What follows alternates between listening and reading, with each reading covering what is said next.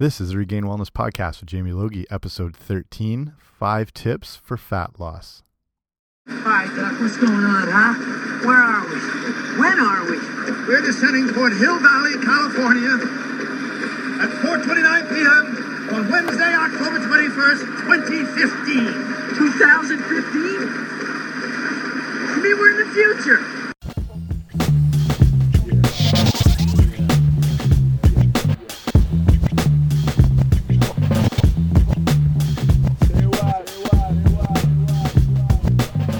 Okay, guys. Hey, welcome back. This is Jamie. Welcome to the 13th episode of the Regained Wellness Podcast.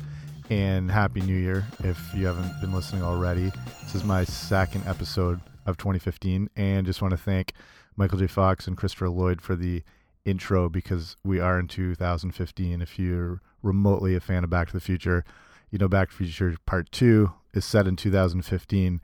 And it's the year we've been waiting for for flying cars hoverboards, everything like that. But in their defense, they did go in October, as you heard in the intro. So there is still a few months until flying cars um, can make their debut. The hoverboard, though, if you've seen this in the news, has become an actual thing. And there was the fake video going out for a little while with the Tony Hawk skateboarder riding it, but it turns out they were all suspended by wires. But there's an actual hoverboard that does work on magnetic energy from the earth that I'll put a video up on the show notes. So everything I'm talking about today will be regainedwellness.com slash 012. And there's a video of him actually using this hoverboard on a little half pipe. It only like, I think it only is like five inches above the ground it only works for 20 minutes or so, but it does work. So slowly but surely we're getting to 2015. So I run regainedwellness.com, which is a website that's kind of your one-stop shop, if you will, for all things fitness and nutrition. So I include all sorts of relevant nutrition articles, blogs. I'll do a lot of uh, guides available on there, post podcasts when they come available. Basically, you go by there, everything you need will be in one one stop. And if you want to get more in touch with things that I'm doing, you can sign up for the email newsletter. So it keeps you up to date with everything that's going on, and you're first to get new episodes, blogs, whatever it may be. The main thing as well is when you sign up for the email newsletter is I send you off my free ebook, which is called the Health Eating Starter Kit, and it's a great little guide that contains a lot of information on foods you want to start including in your diet and why, things you want to remove and why, and as well as some a few free recipes in there to get you started. So if you head over to regainedwellness.com/guide, you can sign up there and that gets sent off to you right away. And then you get kept up to date with everything else that's going on. So today obviously it's new year. It's a time of resolutions people wanting to make changes.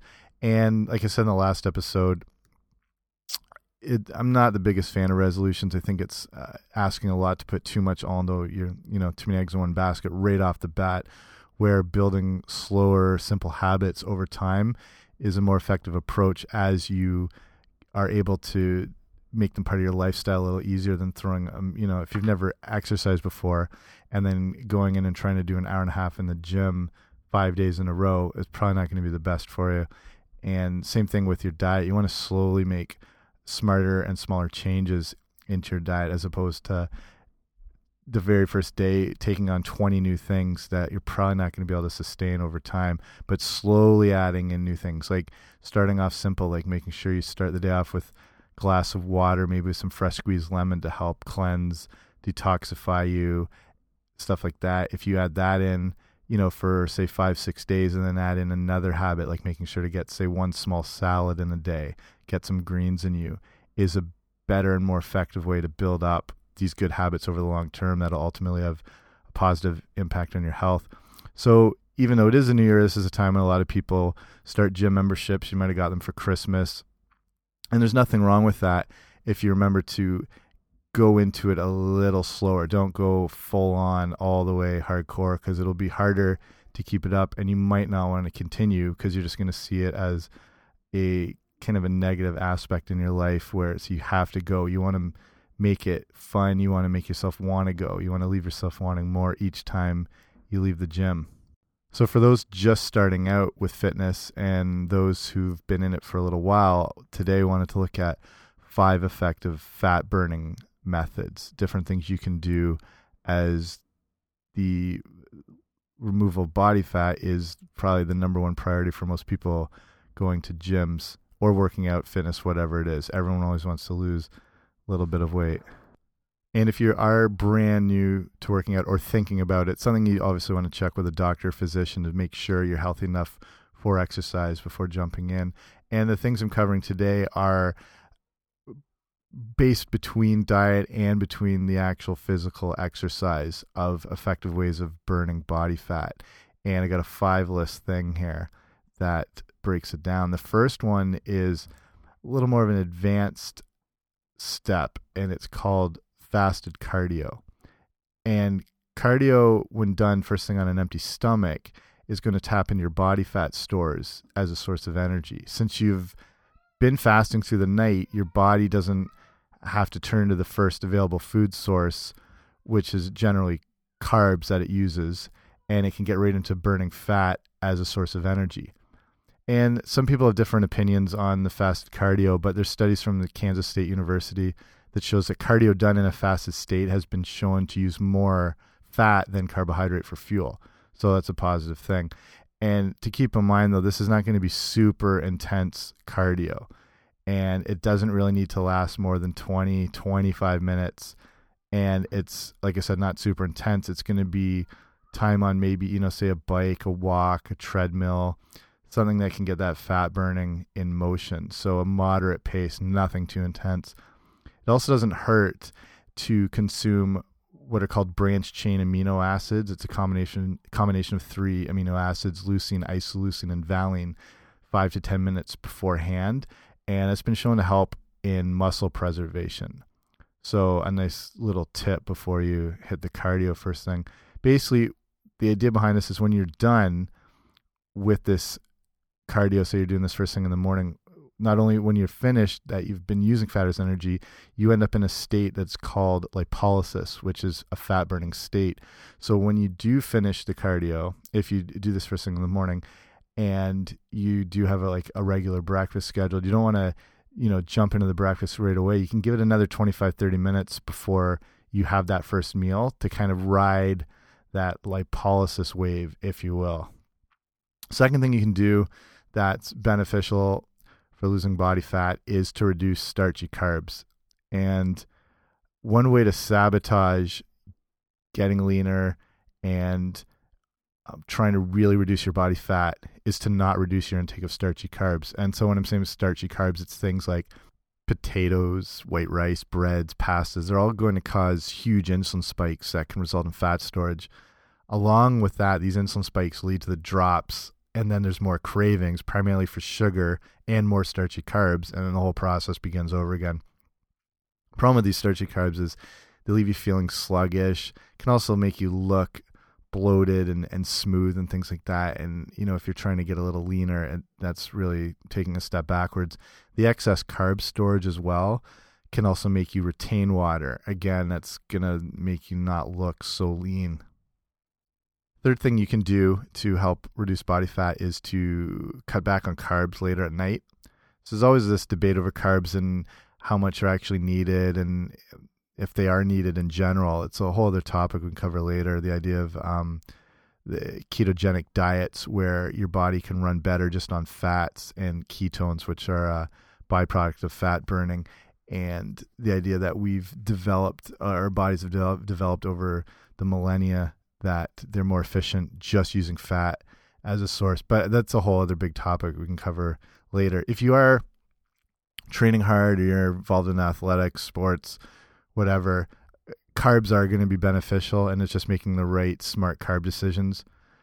Your best choice for carbs, if you're going to be starchy carbs, are going to be things like brown or wild rice, sweet potatoes, obviously lots of vegetables, bit of fruit as well focusing that carb consumption around your workouts is pretty important. The largest amount of your carb intake you want to focus on is after your training. This will help you to replenish glycogen stores in the muscle for future energy. And what you do at the end of work, one workout really helps prepare you for the next one, if you want to think of it that way. As the day goes on after that, depending on when your workout is, if it's at various midday points or later in the day. After that, you do want to kind of taper down your carb usage and you want to focus on proteins and vegetables at that point. This is also going to help keep your insulin levels down, which are triggered from carb intake. And like we said before, insulin is known as the fat storing hormone. Fourth thing that's effective in losing body fat is high intensity interval training, which you might already be doing, you might be familiar with already, whether it's CrossFit or different types of interval training programs you may have seen online. If you're not familiar, a quick crash course on high intensity interval training is performing short bursts of high intense exercise and then reducing the pace intensity for a period of time before re like going back into that high intense period. This can be easily done in or out of a gym. You can do regular things like sprints is a good example. You can use a stationary bike, a rowing machine, treadmill, elliptical machine, even burpees. And a quick high intensity interval training, just to give an example, uh, workout of say sprints or on a stationary bike is first off doing five to ten. Let's use a bike as an example. Five to ten minutes of a warm up, just pedaling at a lower intensity, get the muscles loosened up, get blood flowing. Then you're going to turn up the dial to at least two thirds. It's different on every type of anything, like say a bike or something that has a setting on it. You know, if it was one to 10, you'd want to be up around at least like, you know, an eight or something like that. The idea is to be in sort of that higher two thirds range. And then you're going to go on a full out sprint for around 30 seconds. You're then going to reduce the tension down relatively light. So, say like a perceived three or four, or even a two, just lighter down, and then pedal at that lighter tension for around 90 seconds. So, you can repeat this around three to eight times. At the end, you're going to have a cool down at a very light intensity again, which will be another five to 10 minutes.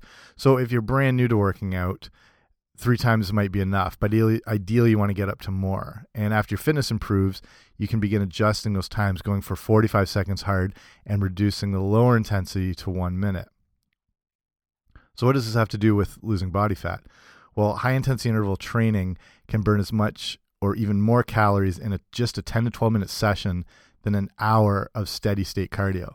Not only that, but this type of training puts you into a different recovery mode this is called excess post exercise oxygen consumption, or EPOC. And it means that there is a larger oxygen uptake by the body to, repl- to replenish the oxygen deficiency you experienced from the high intensity training. Basically, you will be burning calories long after this training is finished. And you can call this, it's also sort of known as the afterburn effect.